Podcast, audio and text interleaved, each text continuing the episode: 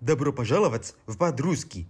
Selamat datang Kembali di Patruski Podcast Русский фест!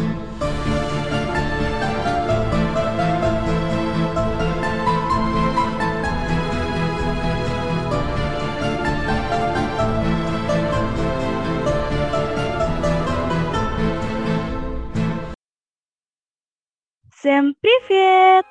Selamat datang di Podruski, podcast Ruski Fest, podcast keren kebanggaan kita semua. Halo semua, kenalin nama aku Sheila Bilkis dari angkatan 21. Aku di sini nggak sendiri loh. Di sini aku ditemenin sama kakak-kakak yang keren. Boleh nih kak perkenalan diri kalian masing-masing. Yoi, halo semuanya. Perkenalkan, nama gue Zulfikar Patriot Prinandatama dari Angkatan 2019. Boleh nih dilanjut ke Akbar Akbar, boleh Bar. Halo semua. Gue di sini dari Rusia 20, nama gue Adhan Akbar, gue biasa dipanggil Akbar. Makasih kesempatannya. Sheila, Akbar, emang kita bertiga doang ya yang ngisi podcast? Kayaknya ada satu lagi deh, tapi siapa ya? Ya apa tuh kak? Siapa ya? Dekan. Siapa Bukan. ya? Kenapa kenapa suara gue kayak gini ya jadinya ya? Oke deh, langsung aja nggak sih kita sambut guest star kita, Project Officer dari Ruski Festival UI 2021. Jadi udah rame aja di sambutannya nih. Oke, jadi kenalin gue Faris.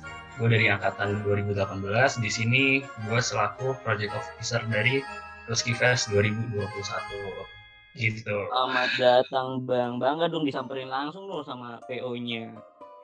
Oh ya kak, nih dari tadi kan kita nih nyinggung-nyinggung Potruski, Potruski.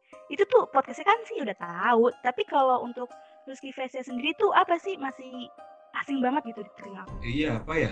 Apalagi buat Sheila nih kan warga baru. Nah, Boleh dong, iya.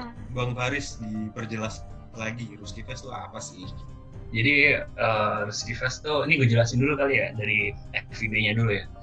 Jadi di Boleh, FIB betul. tuh uh, ada lima, kita kan ada 15 jurusan ya, Uh, berbagai macam sastra gitu. Nah, masing-masing jurusan itu mereka punya festivalnya sendiri gitu. Dan setiap tahun di semester ganjil sama beberapa di semester genap awal itu mereka mengadakan festival itu tadi gitu. Nah, jadi contoh ada di sastra Belanda ada, mereka punya Netfest, terus uh, sastra Cina mereka punya Sinofest gitu dan kita sendiri tuh punya uh, Ruski Fest gitu. Nah di festival-festival ini tuh biasanya uh, diadanya tuh ada lomba, ada seminar gitu. Terus biasanya di closingannya ada uh, party gitu. Jadi band-band gitulah pokoknya. Kira-kira kayak gitu. Nah, kalau kalau kayak online gimana bang? Jadinya ya bang? Nah itu tadi. Ya, jadi kalau offline sendiri tuh kan tadi gue ceritain kan uh, ngundang band gitu-gitu ya. Jadi kadang ada band kayak Fish gitu, ada Morshe, ada Sastra gitu yang itu bahkan sering tunggu-tunggu gitu kan. Karena memang gratis gitu kan. Biasanya kita kalau nontonin kayak gitu kan bayar ya. Ya video itu gratis gitu. Nah karena kita online ya mau nggak mau dari tahun lalu dari tahun 2020 tuh kita uh, closingannya pakai webinar gitu. Jadi kita uh, lebih bermanfaat lah istilahnya jadi nggak party-party mulu gitu jadi ada kayak uh, paparan mungkin kan kalau tahun lalu kan temanya soal apa ya pokoknya kayak uh, wisata ke Rusia gitu lah nah tahun ini beda lagi gitu kayak gitu Oh, sih Golden Rings ya kalau nggak salah tahun lalu. iya benar Golden Ring Gimana Bar? Tahun lalu kan lu udah ada tuh. Pengalaman lu gimana? Oh, pengalaman gue sih sebenarnya seru-seru aja sih, Bang. Yang gue sedih nih itu tadi gue nggak kebagian party-partinya, gue kebagian ini doang, jimit-jimitnya gue, aduh. Ya, tuh. ya walaupun tetap itu ya pengalaman banyak ilmu juga yang gue dapet tapi banyak kuota juga yang habis ya waduh aja sih tapi alhamdulillah Kemendikbud menjawab dengan kuota gratis Alhamdulillah. Gimana? Nih Sheila, gimana nih udah ada bayangan belum Ruski Fest kayak gimana sebagai warga baru? Kejawab banget sih bayangan-bayangan aku tentang acaranya itu. Nah, tadi kan tuh udah diceritain kan temanya yang tahun kemarin. Apa tuh Golden Ring ya? Iya betul. Nah, iya. Golden Ring Nah, kalau untuk tema tahun ini tuh apa kak?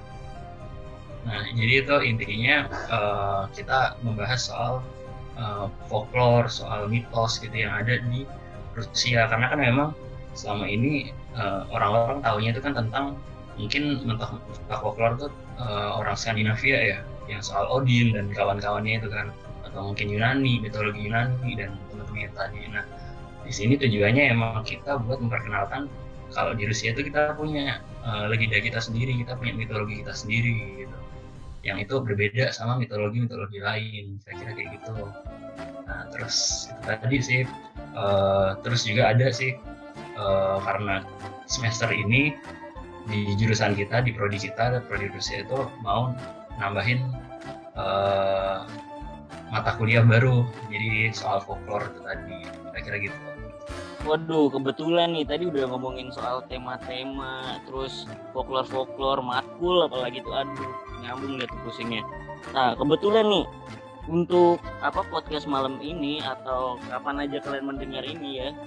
Jadi tema atau topik yang bakal kita bawain itu folklore di era Rusia modern. Jadi folklore tuh gak cuma ada di masa lalu doang, tapi di era modern juga ada nih makhluk-makhluk mitos seperti Lucinta Luna itu ada gitu. jadi kita kulik abis kita kulik abis di sini. Gimana nih? Belum tahu. Tapi seru banget sih emang pembahasan kita kali ini. Apalagi kita anak-anak muda ya kan? Ya muda ya muda tanda kutip lah.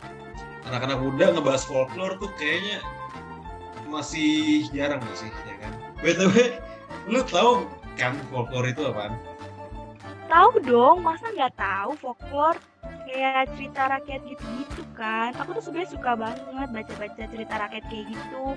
Karena ya selain uh, ceritanya menarik buat dibaca, folklore tuh suka banyak pesan yang bisa kita ambil gitu. Nah tuh benar tuh, gue setuju tuh. Jadi uh, emang intinya tuh uh, folklore bagian dari kebudayaannya masyarakat itu sendiri gitu kan. Jadi berbentuk cerita yang ntar diwarisin uh, dari generasi ke, ke generasi gitu kan. Mau lewat uh, lisan atau mau ditulis gitu. Dan pastinya uh, itu mengandung pesan-pesan yang uh, berharga gitu. Jadi uh, tiap-tiap generasi itu dapat nilai-nilai gitu dari generasi sebelumnya gitu. Jadi untuk diterapkan di kehidupan bermasyarakat gitu sih. Nah benar banget tuh yang apa yang dibilang bang Paris apalagi kita sebagai orang Indonesia sendiri kan seharusnya udah tahu ya dengan banyaknya mitos-mitos dan tahayul yang diceritakan oleh orang tua dan nenek kita mungkin. Itu artinya kan juga Indonesia sendiri folklore itu udah terkenal nih. Sebut aja tuh ada kalian kundang yang durhaka sangkuriang sangkuriang yang nikah sama mamanya kali ya? Itulah yeah. pokoknya. Sampai yeah, ada yang bangun candi dibantu sama jin. kan aneh. Nah, kalau kalau kalian sendiri nih, abang-abang dan Sheila nih, pernah dengar folklore atau cerita apa aja? Macam-macam sih. Bawang merah, bawang putih, merah kidul, ya. Nah, iya.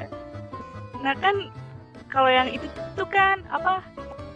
Nah kan, kalau yang itu tuh kan apa? Folklore yang dari Indonesia kan.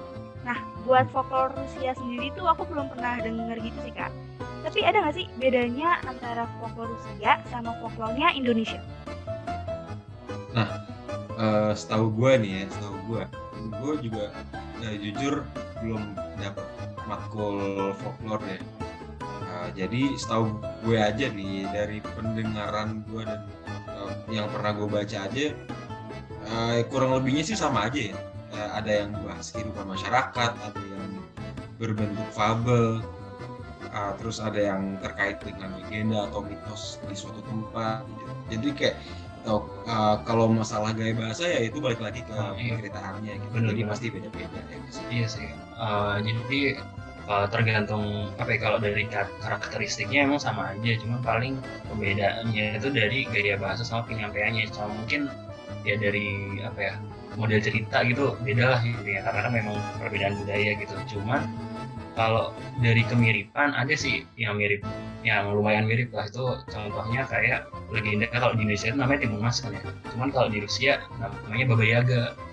Jadi itu dua cerita tuh emang uh, sama-sama intinya dikejar monster. Yang satu dikejar Baba Yaga yang satu dikejar sama raksasa gitu. Kayak dan sama-sama punya apa ya istilahnya punya item gitu punya kalau di game tuh punya item buat ngejebak nih monster tuh tadi yang ngejar gitu terus juga ada uh, Terioska sih yang menurut gue tuh uh, menarik gitu jalan ceritanya gitu jarang orang tahu kan kalau Baba Yaga kan banyak yang tahu kan ya Iya, dari iya, iya, istilah itu dari apa ya film John Wick pokoknya tuh kalau nggak salah gue tahu tuh viralnya gara-gara itu cuman kalau Terioska gitu-gitu kan masih Teriosha sorry itu kan masih eh, jarang gitu orang tahu Hmm, Gitu sih. Yosha. Ih, apa tuh kak? Ceritain dong kak. Kayak gimana jalan ceritanya? Singkat Hmm. aja. gue gue cerita nih oke ya udah jadi eh, apa ya Teriosha tuh intinya nyeritain soal eh, suami istri tua yang mereka nggak punya anak nih. Nah terus akhirnya mereka random nih ngebikin eh, ngebuat boneka dari kayu terus didandanin digendong terus pokoknya di intinya diperlakukan kayak anak manusia lah gitu dan dinamain Teriosha gitu. Nah lama kelamaan ada keajaiban gitu nih boneka berubah jadi bayi beneran. Tumbuh kan tumbuh tumbuh tumbuh jadi bocah jadi anak laki yang eh, sehat gitu lah pokoknya. Nah si Teriosha ini sering banget nih mancing ke sungai gitu kan. Terus eh, ibunya tuh biasanya kalau siang bawain makanan siang gitu sambil biasanya kalau bawain tuh ada panggilannya sendiri gitu. Nah eh, jeleknya salahnya tuh jadi tiba-tiba ada penyihir jahat. Dia berusaha buat niruin suaranya ibunya Teriosha ini tadi. Dia niruin suaranya terus buat manggil-manggil si Teriosha nah eh, begonya si Teriosha ya namanya suara ibu sendiri ya itu ketipu. Akhirnya ditangkap lah sama si penyihir. Dibawa buat eh, jadi makan malam di rumahnya. Nah sampai di rumahnya si penyihir ini ngasihin si Teriosha ke eh, anaknya gitu kan. Namanya kalau nggak salah Alionka gitu kan. Dan si penyihirnya ini pokoknya cabut lagi lah nyari mangsa anak-anak kecil lain gitu. Nah si Alionka anak penyihir tadi nyuruh si Teriosha buat uh, masuk ke dalam oven gitu kan buat dipanggang gitu buat makan malam. Uh, pinternya si Teriosha dia nanya gimana nih caranya masuk ke oven? gitu. Dia minta dicontohin. Dan begonya si Alionka dia mau mau aja dia nyontoin nih dia masuk ke oven gitu. Terus akhirnya si Teriosha langsung kunci oven itu eh, terus si Alionka dipanggang. Nah akhirnya si anaknya penyihir ini eh, meninggal kan mati kan. Akhirnya si penyihirnya ini marah, marah gitu baru terus ngejar-ngejar si Teriosha gitu kan. Sampai akhirnya si Teriosha naik ke pohon oak pokoknya singkat cerita dia naik kan ke pohon oak terus sampai si penyihir ini berusaha gigit pohon itu lah sampai akhirnya runtuh. Dan gue nggak tahu uniknya cerita eh, legenda nih. Gue nggak tahu tiba-tiba gimana ada angsa. Diselamatin sama angsa gitu kan kocak kan ya. Jadi nggak ada angin nggak ada apa tiba-tiba muncul seekor angsa gitu. Dan akhirnya si Tarisha ini selamat gara-gara diselamatin angsa tadi gitu sih jadi uniknya folklore tuh eh, keajaiban-keajaiban gitu-gitu tuh sangat dipercayai gitu tiba-tiba ada angsa gitu kan gitu sih kalau dari Taryosha Waduh, seru juga ya ceritanya. Gue sampai langsung googling nih tadi gue Hmm. nyari-nyari Teriosa, Teriosa nemunya teri asam manis. Gak apa-apa. Itu kayaknya lapar ya. Iya kan Kayaknya gue buka GoFood deh nih. tadi. Ternyata gue buka GoFood bukan Google. Tapi gimana ya? eh, kalau menurut gue eh, tragis juga ya. Ada yang mati, ada yang dipanggang. Tapi nggak apa-apa sih. Yang penting angsanya itu loh. kadang gue juga mikir sih kenapa nggak si penyihir nyari si angsa gitu aja kan ibu dipanggang ngapain bocah gitu kan ya Ya, iya bener. mending Nah itu uniknya folklore kan. Jadi itu sih dari setelah mendengar Bang Faris tentang Teriosa tadi sih pasti jujur gue yang awalnya emang tertarik sama folklore Rusia jadi gue makin tertarik juga nih. Kalau untuk para pendengar nih para pendengar di rumah di angkringan di warteg nih gimana nih? Atau abang-abang di sini nih apa udah ada muncul ketertarikan untuk membaca folklore nih atau belajar? Kayaknya nih eh, mungkin buat itu kali ya buat yang baru-baru belajar gitu mungkin ya apalagi ini ada mata kuliah baru nih eh, folklore gitu kan di prodi Rusia gitu. Jadi kalau jujur kalau gue sih udah udah udah kenyang ya gue ya. Gue udah kebanyakan bahas kayak gitu dan mungkin kalau kalian tertarik sama folklore Rusia gitu ya itu eh, bisa kok sekarang banyak gitu kan platform-platform di eh, Google gitu platform online yang mereka nyeritain soal eh, dongeng-dongeng atau folklore Rusia itu tadi. Bahkan sekarang ada banyak versi animasinya gitu di YouTube terus di website-website Rusia gitu tuh banyak banget gitu. Ini mereka eh, Rusia sendiri sekarang berusaha buat nyaingin ya itu tadi kayak folklore versi barat gitu lah mungkin kayak Snow White atau apalagi temen-temennya gitu lah Intinya kayak gitu sih Iya nih bang, gue juga lagi googling ini. eh, abis lu cerita, gue jadi kayak tertarik banget sih sama folklore Rusia. Betul kalian tahu nggak sih perkembangan folklore di Rusia sendiri itu ada bedanya sesuai zamannya gitu? Oh ya? Gimana tuh kak maksudnya? Iya jadi kayak intinya uh, beda zaman, beda folklore yang tersebar di masyarakat gitu. Jadi yang gue baca ini di website uh, mungkin kalian juga udah tahu ya di masa kekaisaran uh, Rusia literatur itu sangat dijunjung tinggi gitu ya kan. Jadi banyak banget penulis lahir dan uh, melahirkan cerita-cerita baru yang bertemakan bebas gitu. Nah, di zaman Uni Soviet khususnya uh, pas pem kepemimpinan Stalin ya waktu itu ada pembatasan-pembatasan gitu. Jadi yang boleh nyebar itu di masyarakat biasanya cerita-cerita yang mengagungkan kepercayaan dan nilai-nilai sosialis gitu atau yang nunjukin keunggulan Soviet gitu. Hmm, gitu. Berarti berbanding terbalik banget ya sama folklore yang ada di Indonesia. Kan kalau di Indonesia tuh kan kayak dari dulu sampai sekarang tuh sama aja gitu ceritanya. Kayak misalnya nenek kita ngedongengin bawang merah bawang putih. Nah, ibu kita tuh juga ngedongengin yang sama. Dan mungkin ya, kita bakal ngedongengin hal yang sama juga ke keturunan kita nanti.